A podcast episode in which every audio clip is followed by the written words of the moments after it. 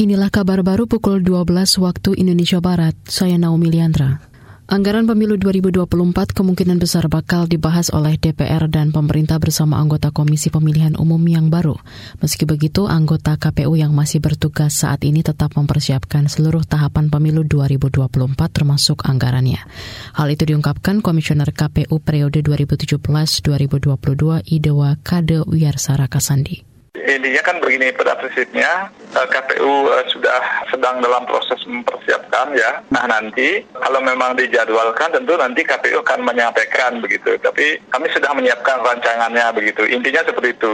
Itu tadi Komisioner KPU Idewa KD Wiyarsara Kasandi. Di lain pihak, Komisi Kepemiluan DPR justru mendorong agar anggaran pemilu 2024 segera dibahas pada masa sidang keempat yang dimulai hari ini. Kemah yang dilakukan Presiden Joko Widodo bersama sejumlah menteri di 0 km ibu kota negara di Kalimantan Timur dituding sebagai gimmick atau hanya trik untuk menarik perhatian. Kegiatan itu dianggap bentuk ketidakpedulian pemerintah terhadap penderitaan masyarakat.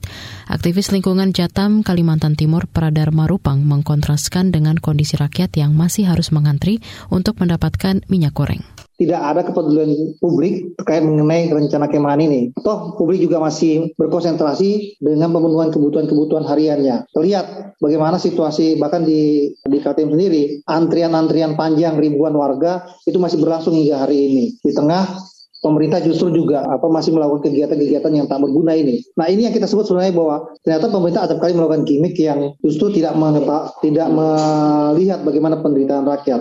Aktivis Jatam Pradar Marupang juga mengingatkan berbagai potensi kerugian yang harus dialami masyarakat adat dengan hadirnya proyek IKN.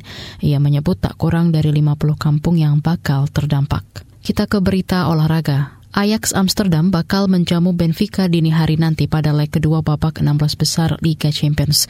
Pelatih Ajax Erik ten Hag menargetkan pesta gol kemenangan karena bermain di kandang sendiri. Perjalanan tim elit dari Belanda ini di Liga Champions terhitung spektakuler. Klub berjuluk si anak dewa meraup enam kemenangan dari enam pertandingan di babak penyisihan grup. Di kubu lawan, Benfica juga ingin melaju ke perempat final untuk kelima kalinya. Juara Eropa dua kali ini optimis karena melihat titik lemah lawan di sektor sektor pertahanan. Saudara, demikian kabar baru KBR. Saya Naomi Liandra, undur diri.